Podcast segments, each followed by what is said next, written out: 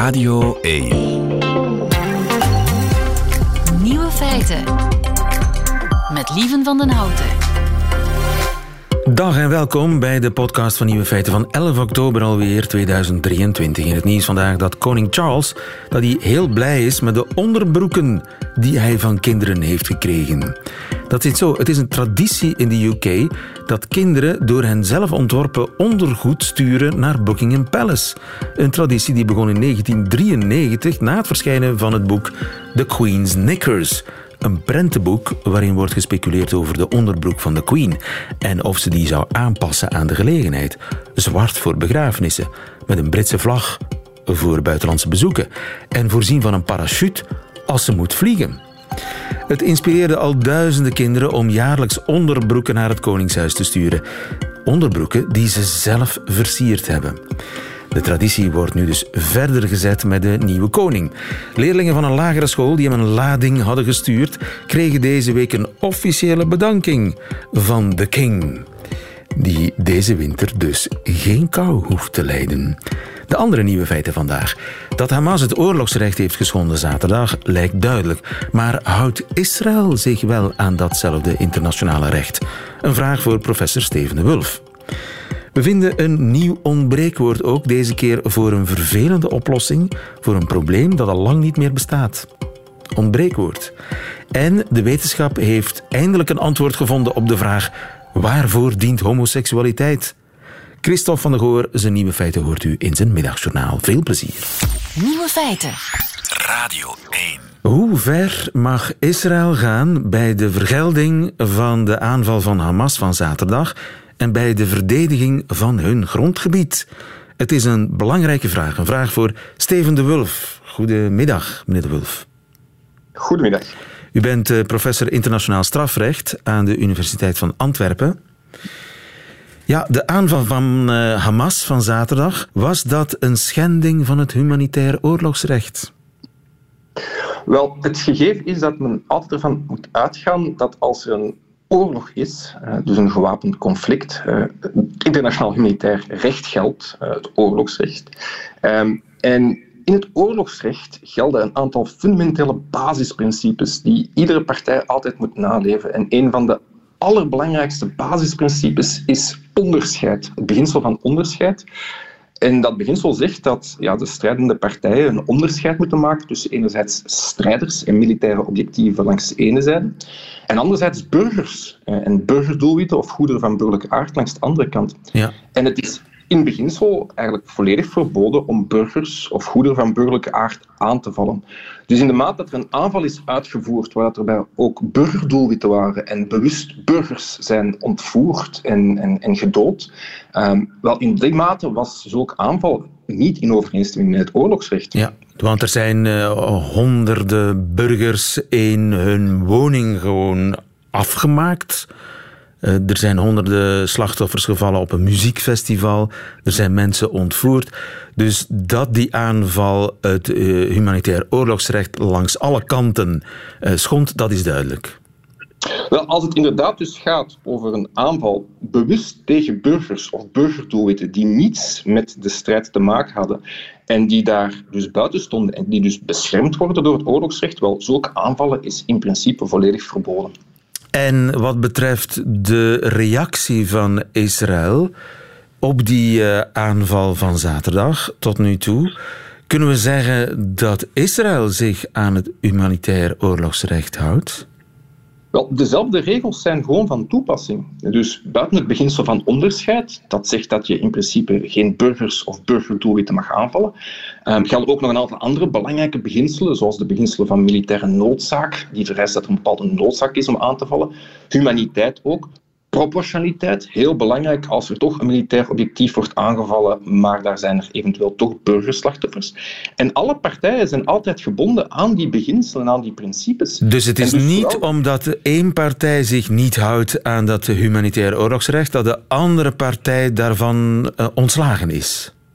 Nee, helemaal niet. Dat is een, een, basisregel die op dit moment nog altijd geldt, is dat uh, elke partij altijd gehouden is het oorlogsrecht te respecteren, ongeacht wat de andere partij doet. Nu, wat Israël gedaan heeft, is ja, de elektriciteit en het water afsluiten, dichtbevolkte steden bombarderen, ziekenhuizen bombarderen, zeggen dat de mensen in Gaza beesten zijn die collectief gestraft moeten worden.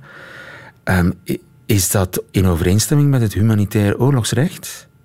Wel, opnieuw, als daar het beginsel van onderscheid niet is gerespecteerd, zit je al met een probleem.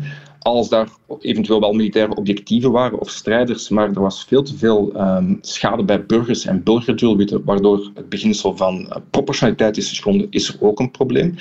En in het bijzonder wat betreft um, die afsluiting van voedsel en medicijnen en dergelijke meer. Wel, daar heeft de hoge commissaris voor de mensenrechten ehm, deze belegering inderdaad ook al omschreven als een collectieve bestraffing uh, van de burgerbevolking. Maar dat is in principe verboden door het oorlogsrecht. kan zelfs een oorlogsmisdaad uitmaken. Ja. Uh, luistert Israël naar iemand of houdt Israël zich ergens aan? Wel, in principe moet iedereen zich houden aan het recht en aan het internationaal recht. Um, het groot pijnpunt voor het internationaal humanitair recht, maar dat is niet enkel in deze situatie, maar in meerdere situaties, eigenlijk wereldwijd altijd, is het respecteren en doen respecteren van die regels. Um, in principe moet iedereen die regels respecteren, maar in de praktijk zien we dat dat vaak niet het geval is.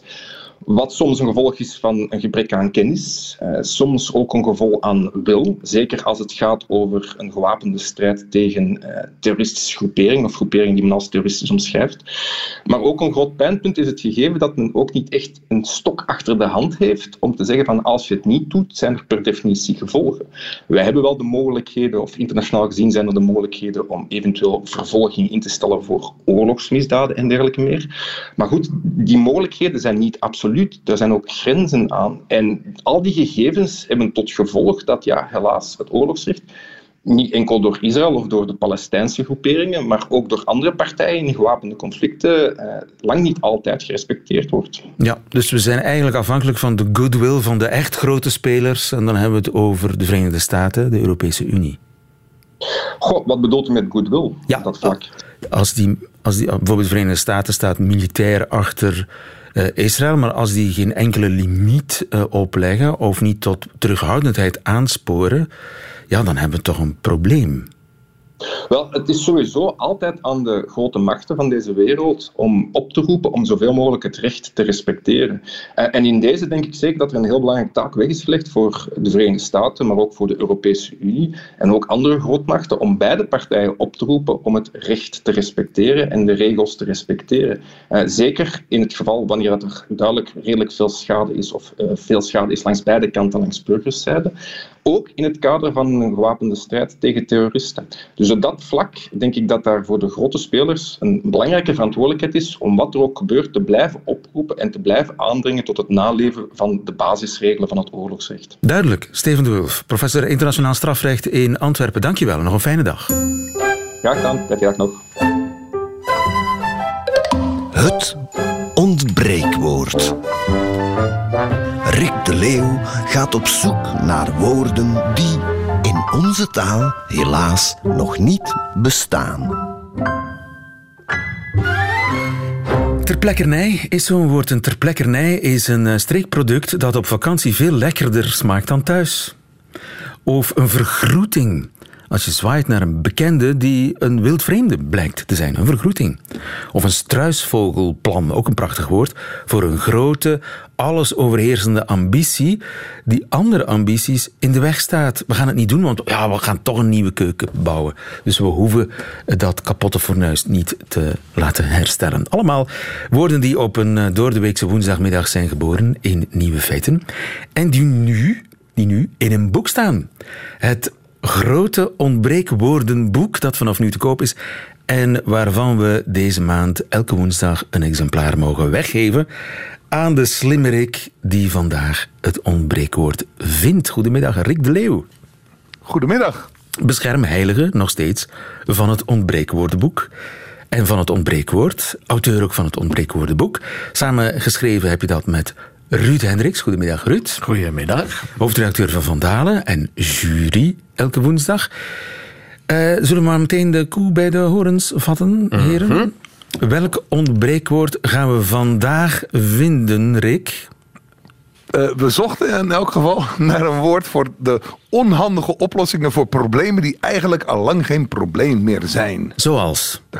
Dat klinkt ingewikkeld. Maar als voorbeeld hadden we bijvoorbeeld de indeling van de letters op ons toetsenbord van de computer. Die 150 jaar geleden zo gekozen is, die indeling, om te voorkomen dat de letterstangetjes die toen nog bestonden van de typemachine de hele tijd zouden clusteren als iemand te snel typte. Ja. Die letterstangetjes bestaan al lang niet meer, maar we hebben nog altijd die onhandige indeling van ons toetsenbord. Ja, en dan ook nog eens op, op Frans gericht, hè? Hm. Dat is ook een, eh, een, een restant van. Uh, van vroeger. De Nederlandse markt heeft geen Azerty, nee, maar ik heb een QWERTY. Je hebt een QWERTY. Je kunt helemaal niet Azerty's tikken. Dat gaat niet. Uh, nee, ik vind het altijd lastig dat je een hoofdletter moet doen om een punt te zetten op een Azerty. Dat vind ik zo onhandig. Ja, dus uh, we hebben daar dringend... Uh, Lang leven de een, een, een, die, die kwestie gaan we niet oplossen, kennelijk. Dat nee. toetsenbord zal, dat blijft wat het is. Maar dus hebben we een woord nodig voor die onhandige oplossing voor een probleem dat al lang niet meer bestaat. Zijn er veel mensen in hun pen gekropen, Rick? Zeker, zeker, zeker. Want oplossingsgericht als de luisteraars van Radio 1 zijn, gingen ze voortvarend op zoek een greep uit de vele, vele oplossingen. Um, mislossing, stomlossing, stoplossing, floplossing, omplossing, nooplossing, problossing, laatlossing, bovenoplossing, achteroplossing, onderlossing, droglossing, knooplossing, stomlossing, brakoplossing en natuurlijk mocht ook de ontbreekoplossing vandaag ah, niet ontbreken. Zeer, zeer uh, inventief en origineel. Mooi hè? Maar goed, die hebben dus allemaal jouw top 7 of top 8 of top 10, wat is het uh, vandaag, niet bereikt. Het gaat een top 8 worden. Een ja, top ja, 8. Oef. Ja. ik zet mijn schrap. Nog even nog even een speciale vermelding voor Stefan Keppens. Zijn Ig Nobeltje is prachtig, maar helaas niet echt van toepassing. Ja, ja, ja, nee. Maar een Ig Nobeltje, dat moeten we, dat, die, die, we houden hem in het achterhoofd. We noteren hem voor iets ja. anders. Wie weet. Goed, top 8. Ja. De top 8. Guido van der Wiel komt met een obsoleem. Een obsoleem. Oei. Oei. Um, Lijkt mij zo uh, iets medisch. Ik heb een ja, in elk geval iets wetenschappelijks. Een vetbol ergens. obsoleem, een proper woord voor een vetbol. Ja, ja ik, ben ik ben een, een linguist natuurlijk. En een obsoleet woord, dat is een ja, een vaktaal voor een verouderd woord. Dus ik zit, ik, bij mij roept het ook meteen iets op over het in de wetenschap. Ja. Nu, maar het klopt wel, hè? Probleem, obsoleet probleem, ja. obsoleem. Maar goed, wat je weer krijgt, het is zo'n samentrekking. En ik zal niet herhalen dat ik daar niet van hou. Um, maar je zet weer mensen op het verkeerde been hiermee. Want je denkt meteen aan een vetbol. Ja. ja dus, kan ja, mij liggen. Nee, ik denk het niet, want... Uh, ik Melanoom, ben, obsoleem, ja, zoiets. Ja, voilà, het klinkt ook medisch. Maar bijvoorbeeld het xyleem, dat is een... Uh, dat weet ik... Ja, dat is een beetje als woordenboekmaker zoiets. Hè. Xyleem, dat is bijvoorbeeld een stof in een, in een boom. Dus, uh, Wat weet jij veel, Ruud? Wel, dat komt natuurlijk omdat je... een xyleem. Goed, ja, maar het wordt hem niet, Guido van de Wiel. Het was, heel, het was heel slim van Guido, maar het wordt hem niet. Next. Ik heb het wel opgezocht. Het, het, ziet eruit als een woord dat al heel lang bestaat en bestond nog niet. Dat vond ik wel weer ah, ja. Ja, ja, ja, het klinkt heel aannemelijk, hè? Een obsoleem. Ja. ja. Goed. Maar wat. Ja. Uh, Jonas Jurissen en Tom van Rentegem kwamen onafhankelijk van elkaar met retromedie. Ah, een retromedie. Een remedie uit het verleden. Ja. Ja. Kan wel niks anders zijn dan een remedie uit het verleden. Het zou ook een comedie kunnen zijn in retro-stijl. Een retromedie. Ja. als ik het hoor, zo omedie... Retromedie, Gaston en Leo. Bijvoorbeeld, ja. Retromedie. ja. Ja, bij mij roept die omedie onmiddellijk het woord comedie op. Oh ja, oké. Ja, Oef. maar... Ik vond hem niet slecht, maar... Nee, maar, nee, maar het is niet slecht. Maar dat, dat is het probleem van die samentrekkingen. Als je het woord zelf er niet in herkent, kunnen andere mensen het anders invullen. Kijk, hij is de man van de woordenboeken, hij is de man van de wetenschap. Ja. Hij kan het weten. Hm. Rick. Alain Truits. Alain Truits komt met azertitis. Hey, dat vind ik wel goed. Dat is goed, hè? Assertitis. Wel, het voordeel van assertitis is dat het in een rijtje past. Hè? Ja, we hebben veel van die woorden op itis. Hè? Die ja, oorspronkelijk zijn Hollanditis. Dat, Hollanditis, maar je hebt ook vergaderitis uh, en, en al dat soort dingen. Of uh, uh, Hollanditis is inderdaad het gebruik van Engelse, Engelse woorden, zeker in het Nederlands. Of wat is Hollanditis nu ook alweer? Heb je het woordenboek niet bij? Ja, moment, ik zal het even opzoeken. Uh, maar, maar dat is in elk geval dat is het grote voordeel hiervan. Alleen, hoe ga je dat gebruiken? Dan moet je zeggen, dit is een, een geval van assertitis. Ja. Zoiets. Ja. Dat is lastig, ja. ja. Dat is lastig, maar ik vind het wel een pre dat het um, in... Um, Hollanditis of Hollandse ziekte is de benaming voor het Nederlandse verzet tegen de plannen voor plaatsing van kruisraketten in West-Europa. Mm. De Hollandse ziekte. Serieus? Ja. Oké dan. Ik, ja, dus ik, ik heb het even snel uh, ja, maar het zal wel. gegoogeld. Oh ja, kijk, er staat in maar, uh, sorry, dat, dat het hebben zou uit, mooi dat... zijn als de kruis, Het zou toch mooi zijn als de kruisraket ondertussen een achterhaald plan voor een oplossing mm. was voor een probleem dat niet meer bestaat. Ja, ja, ja. het is, geen, het is helaas geen azertitis. niet, nee. nee, nee. Hollanditis is ja. helaas ja. geen azertitis. Ja. Marleen Vermeijren komt met gistersneeuw. Die moet je uitleggen. Ja, die moet je uitleggen. We, weet je hoe ze daarbij komt? Even eerst, een schitterend woord. Uh, gistersneeuw, wauw. Um, en het komt het, het, is geleend uit het Duits. Uh, Schnee van gestern, dus uh, vertaald gistersneeuw. Schnee van gestern is eigenlijk oud nieuws.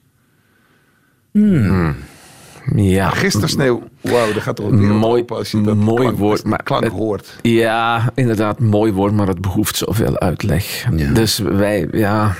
Maar ik vind ja, het wel... Dit, dat, dat, is een mooi woord. Uitleggen. Het is een fantastisch woord. En misschien kunnen we dat als Duits equivalent voor Schnee van Gestern ja, vanaf natuurlijk. nu gebruiken. Maar het, is een ander, het, het, betekent iets helemaal anders. Ja, dan betekent het inderdaad al nieuws. nieuws. Ja. Gistersneeuw. Goed, dat hebben we hierbij beslist. Het is gezegd. We hebben een, een apart hoofdstuk nodig in dat, in dat ontbreekwoordenboek. Woorden die we niet zochten, maar toch vonden. vonden. Ja. Gistersneeuw. Juist, juist. Bart de Mietenaren komt met zin kwijt. Zin Ook prachtig. kwijt. Zin De kwijt. associaties die, die rollen over elkaar heen bij zin kwijt. Uh, noemen ze een associatie? Ja. Uh, uh, uh, als iets wegzinkt uit, in het verleden, wijd is een, als je een slag mist bij het honkbal. Maar dat betekent natuurlijk zin kwijt. Het is, het is een zin verloren. Het is niet langer zinvol dat het bestaat. Mm -hmm. Het is zijn zin kwijt. Er worden wenkbrauwen gefronst in de studio. Ja, ja, ja, ja, ja. ja. Ik was poëtisch. Ja, ja het, is, het is, het is heel poëtisch, maar mijn vraag is, als je dat ziet staan, dan, dan ga je toch ook twijfelen hoe je dat moet uitspreken. Ja, is het zinkwijd of zinkwijt? Zinkwijd. Zinkwijd, je moet er een genereuze geut moet je het over de mensen heen storten. Zinkwijd. Ja, ja zinkwijd. Ik denk boekwijd, zinkwijd. Boekwijd, ja. Hm. Ja, nee. nee ik ben er niet nee, wild van. Nee, nee, nee. nee. Oeh, nog drie. Carleen Bongs komt met histolutie. Een histolutie. Bekt wel, hè? Histolutie. Ja, maar het klinkt ook weer zo duur. Ja, uh, een histolutie. Want ook hier, dat, dat is hetzelfde als met retromedie. Van, je, moet, je moet echt wel weten waar het over gaat. Hè. Van, wat is een histolutie? Waarop, waarop slaat olutie? Wij weten dat, omdat we de opdracht hebben, weten we dat we op zoek zijn naar een woord voor oplossing. Waarschijnlijk een soort resolution, resolutie, maar in het Nederlands gebruik je dat woord ja. daar niet voor. Mm. Dus een histolutie zou slecht vertaald Frans zijn. Zo voor ja, een, lekker geslapen, Ruud? Uh, ja, zeker. Ik ben zeer, vandaag. zeer wakker vandaag zelfs. Zeer, oef. Ja. Nee, maar het probleem, de, het probleem met die, met die anderstalige elementen is precies dat je dat niet meteen herkent. Ja, nee, nee, maar ik snap hem volledig. Je hebt eigenlijk gelijk. Ik, ik heb gelijk. Ja, altijd gelijk. Ik, ik weet dat, dat ik het probleem met Ruud Hendricks. Altijd dat gelijk. ik een oude grijze zeut aan het worden ben, maar ik heb wel gelijk. Nog uh, twee. Heerlijk. Jurg de Bree en Gert Basteleus komen met rudimentaat. Rudimentaat. Rudimentaat. Ja? Het is eigenlijk in dezelfde ja, richting. Ja, histolutie, ja, retro, retromedie. Ja. Rudimentaat, dat doet me denken aan rudimentair. Ja? Ja. ja. Maar... Dat is overbodig geworden. Dat is overbodig geworden. Dat is rudimentair. Rudimentaat. Ja. Het toetsenbord dus is een iets, rudimentaat. Iets dat overbodig geworden is, is een rudimentaat. Ja. Azerti is echt een rudimentaat. Hm. Dat, dat, is toch een, dat is toch een mooie zin? Dat is een volwassen, is een... volwaardige zin. Ja. Iets van een glimlach. Ja, oké. Okay. Ik, maar, ik maar, hou hem met, maar Heel moeizaam. Ja, het is heel moeizaam. Maar goed, ik, ik hou hem even opzij. Oké. Okay. Ja. Oef. Misschien brengt Jeroen Deen verlossing. Hij komt met stuitvinding. Een stuitvinding. Geen uitvinding, maar, maar een, stuitvinding. Een uitvinding die tegen het de stuitje, stuit. Het stuitje is een, is, rudiment, is een rudimentaat.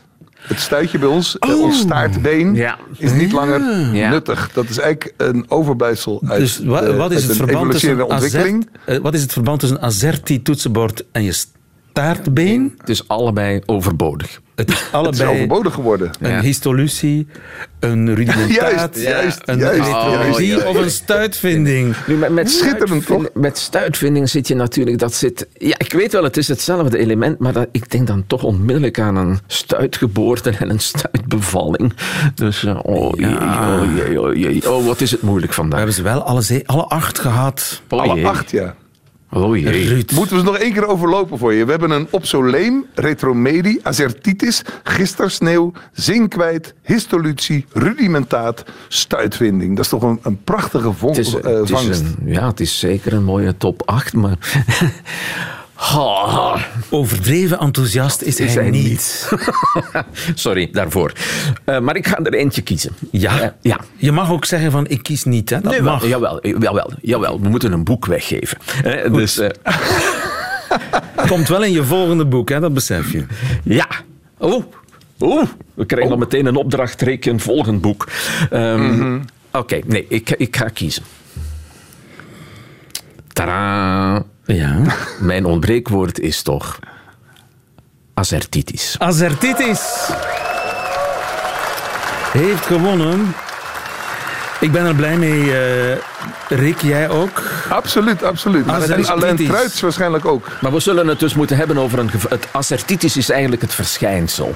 Ja. Dus als we dit willen benoemen, zo'n azertiklavier is een geval van azertitis. Juist, maar, juist dus net als een staartbeen is een azertitis. Is een, azert, een geval van azertitis. Ja. Goed, en dat betekent ook dat Alain Truits uh, binnenkort in de bus mag verwachten een exemplaar van het grote ontbreekwoordenboek. Mm -hmm. Uh, dat gloednieuw is en dat ook te koop is en dat we deze week mogen weggeven. Oké, Rick, we hebben een nieuwe opdracht nodig. Ik laat het applaus eventjes uitsterven. Dat is bij toverslag verdwenen. Ja, schitterend. Je zit s'avonds laat op de bank nog wat naar televisie te kijken of op je laptop te prutsen en je bent eigenlijk te moe om naar bed te gaan. Ja te moe ja. naar bed te gaan. En je, en je ogen vallen dicht. En je vecht tegen de slaap. En je weet, je, volgens mij heb ik nu twee minuten geslapen. Hm? Oh, ik lig nog in mijn zetel. En, ah, en het programma is nog bezig. Hm. Het is nog bezig en eigenlijk ben je maar ik te moe om je tanden te poetsen, uit te, kleden, al die, die hele routine te gaan doen. Hoe noemen we die specifieke vermoeidheid in die situatie? Uh, Rick, je hebt nu net mijn ja, elke, elke avond om. Het is mijn, mijn klassiek avondscenario eigenlijk. dus we noemen hem lieven. Een lieven. Nee, dat zal hem niet worden. Maar hoe noemen we die vermoeidheid? Je bent zo moe dat je niet meer uit je zetel geraakt om te gaan slapen. Te gaan slapen. Het is een heel herkenbaar probleem. Mocht u daar een idee uh, voor hebben, voor dat ontbreekwoord, laat het ons weten via de grote ontbreekwoorden knop in de app van Radio 1 of op radio1.be. En u maakt kans op een ontbreekwoordenboek. Tot volgende week. Rick en Ruud.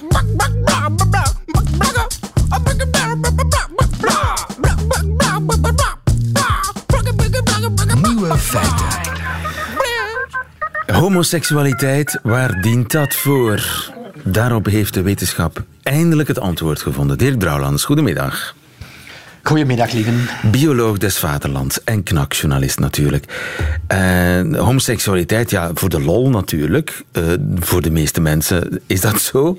Maar niet voor de wetenschap, want die zoekt natuurlijk naar een evolutionaire reden waarom homoseksualiteit bestaat. Hè? En dat is toch lange tijd een groot mysterie geweest. Ja, het is, uh, de natuur investeert niet gemakkelijk in iets dat nutteloos is, tussen aanhalingstekens. En in het geval van homoseksualiteit is er dan ook geen voortplanting aangekoppeld. Dus dat betekent dat er dan toch ergens een andere functie in moet zijn. Anders zou dat verdwijnen in de coulissen van de evolutie.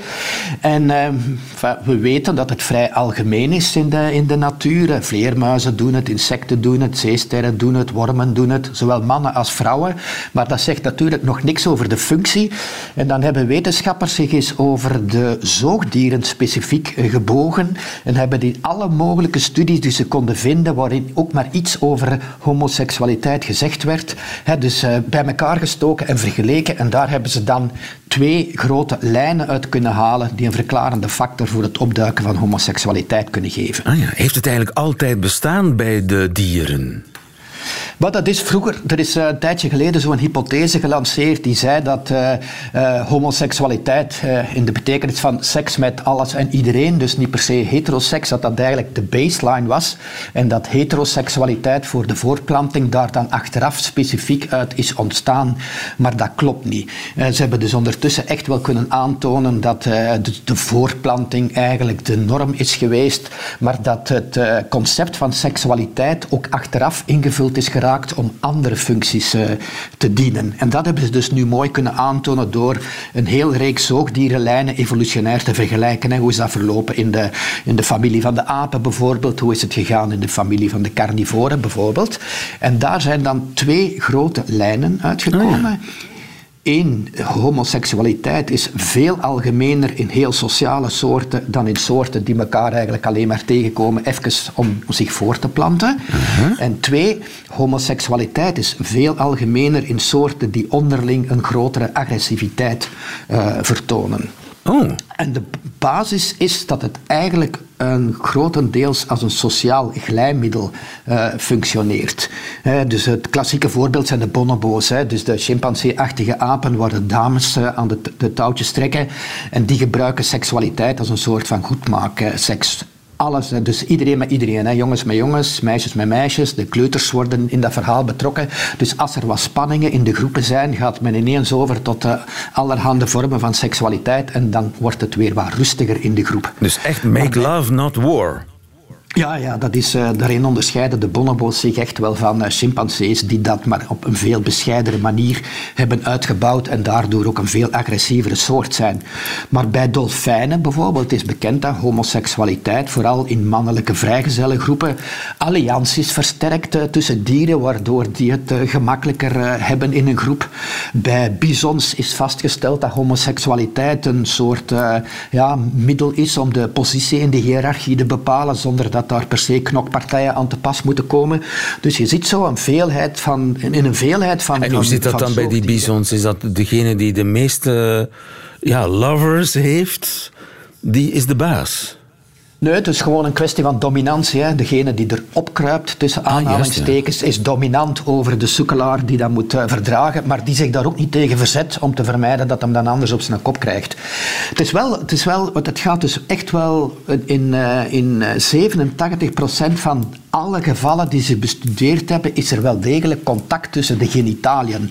Weliswaar zonder dat er een voorplantingscomponent aan, aan te pas komt. Dus het is niet zomaar met een klein beetje uh, um, hofmakerij naar iemand van hetzelfde geslacht toe. Het gaat wel relatief, uh, relatief ver. En het zit heel verspreid in de zoogdierenwereld. In 50% van de families heeft men het teruggevonden. Dus soms, het is, het is verschillende keren onafhankelijk van elkaar ontstaan. Hoewel ze tot dusver nog maar in 4% van de zoogdierensoorten hebben aangetroffen.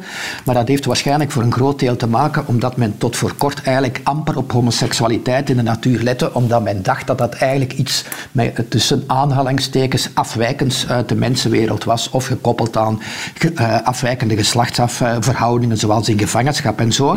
Maar bijvoorbeeld in de, in de zoogdieren, waar dat het, die al tientallen jaren lang heel intens bestudeerd zijn, kan, loopt dat op tot 80 procent.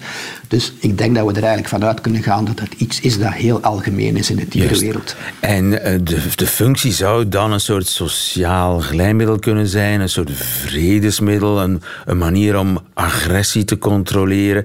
Waarbij ik dan mij afvraag of er ook zoiets is als een homoseksuele geaardheid. Want nu hebben we het over gedrag wat, wat mannen of vrouwen onder elkaar doen uh, voor de gezelligheid of voor de vrede. Maar bestaat er ook zoiets, eh, is dat ook even uh, wijdverbreid als bij de mens? Het, de, de, de, de voorkeur, zeg maar. En het in, in soorten die levenslange uh, banden smeden, levenslange koppels uh, hebben. heb je daar ook LGBTQ-mensen? ja, dat hebben ze dus, daar hebben ze in de studie voor gewaarschuwd dat ze daar dus niet specifiek naar gekeken hebben, omdat dat heel moeilijk is om, om na te gaan. Het is wel zo dat bijvoorbeeld in apengroepen, en bij apen is het relatief um, um, verspreid, hè, dus van de, van de 330 apensoorten hebben ze bij minstens 51 soorten al apen getrokken. En daarin heb je toch wel een soort, uh, ja, hoe zal ik het zeggen, versterkte vriendschapsbanden tussen individuen.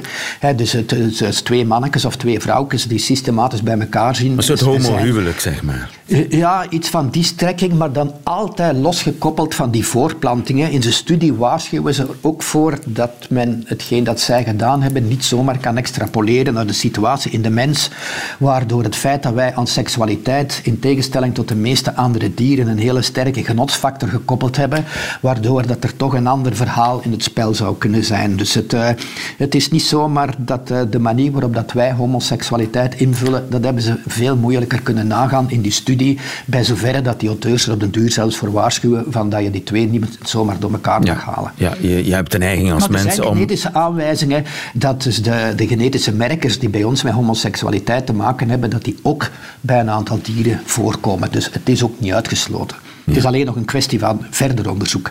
Ja, het, is, uh, het heeft lang uh, geduurd voor het echt werd onderzocht. Het werd als iets vies uh, beschouwd, of iets wat dieren sowieso niet deden.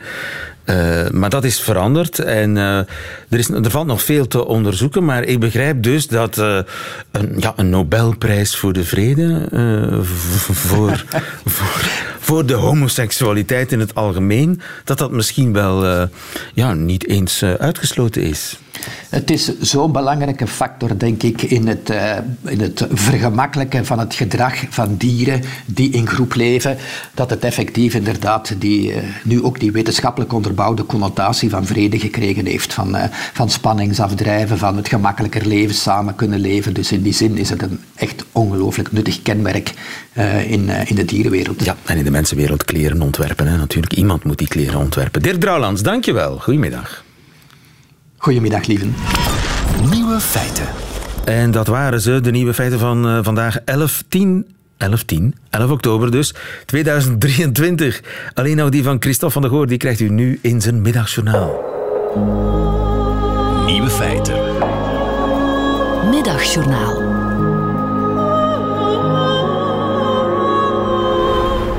Goedemiddag. Ik kan er niets aan doen, maar wanneer ik mensen zie passeren of zie voorbijkomen, dan flitst heel vaak de legendarische uitdrukking van een al even legendarisch tv-maker door mijn hoofd. Wie zijn ze? Wat doen ze? En wat drijft hen? Vooral wanneer ik aan het fietsen ben, zoals gisteren, in een heerlijke namiddagzon in het land van Ernest Klaas, op een rustig fietspad langs de Demer. Nou ja, rustig was het niet echt, want het leek wel alsof iedereen die de laatste jaren een elektrische fiets heeft gekocht, en ik kan u verzekeren, dat zijn er heel veel, hetzelfde idee had om op hetzelfde moment dezelfde route te kiezen. Een ouder koppel waarvan meneer een helm droeg, weliswaar veel te ver naar achteren op het hoofd dragend en dus volledig fout, Mevrouw, de grijze haren los in de wind, terwijl het stuur van haar fiets zo hoog stond dat Dennis Hopper en Pieter Fonda er jaloers zouden zijn op geweest. Ik schakelde een versnelling hoger en dreef het tempo op met de wind licht in de rug, toen ik een man rechtstaand naast zijn scootmobiel in het vizier kreeg. Rechtstaand om te plassen. In het vizier dus, zoals gezegd, ik had wind in de rug, dus die plassende man, juist ja, wind op kop. Ik draaide het hoofd weg. Een andere oudere man passeerde, zonder helm, maar met een zonneklep op het hoofd, zoals tennissers dragen.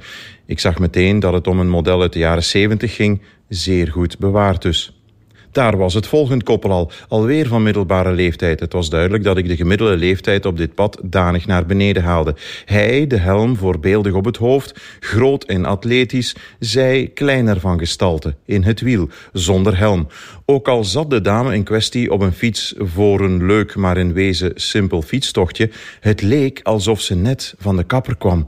Niet even van de kapper komen om te wassen en te knippen. Nee, zo'n beurt waarbij de dames onder een soort raket zitten met de duur van een ultraloop. En gemaquilleerd, zoals dames die je treft op het terras van de poepchique brasserie tegenover de opera van Parijs.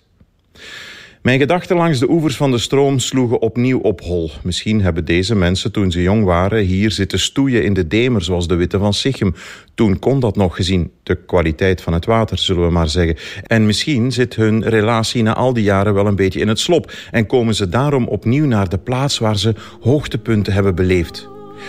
Ik fietste intussen naar huis, want weldra zou de jongste zoon thuiskomen van school. Hij had een toets van economie in het eerste middelbaar over de economische kringloop, de goederen- en dienstenstroom, de geldstromen en over reële en gecreëerde behoeften.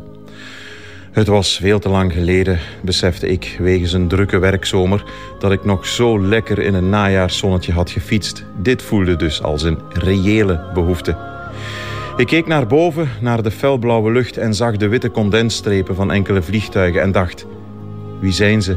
Wat doen ze? En vooral, waar gaan ze heen?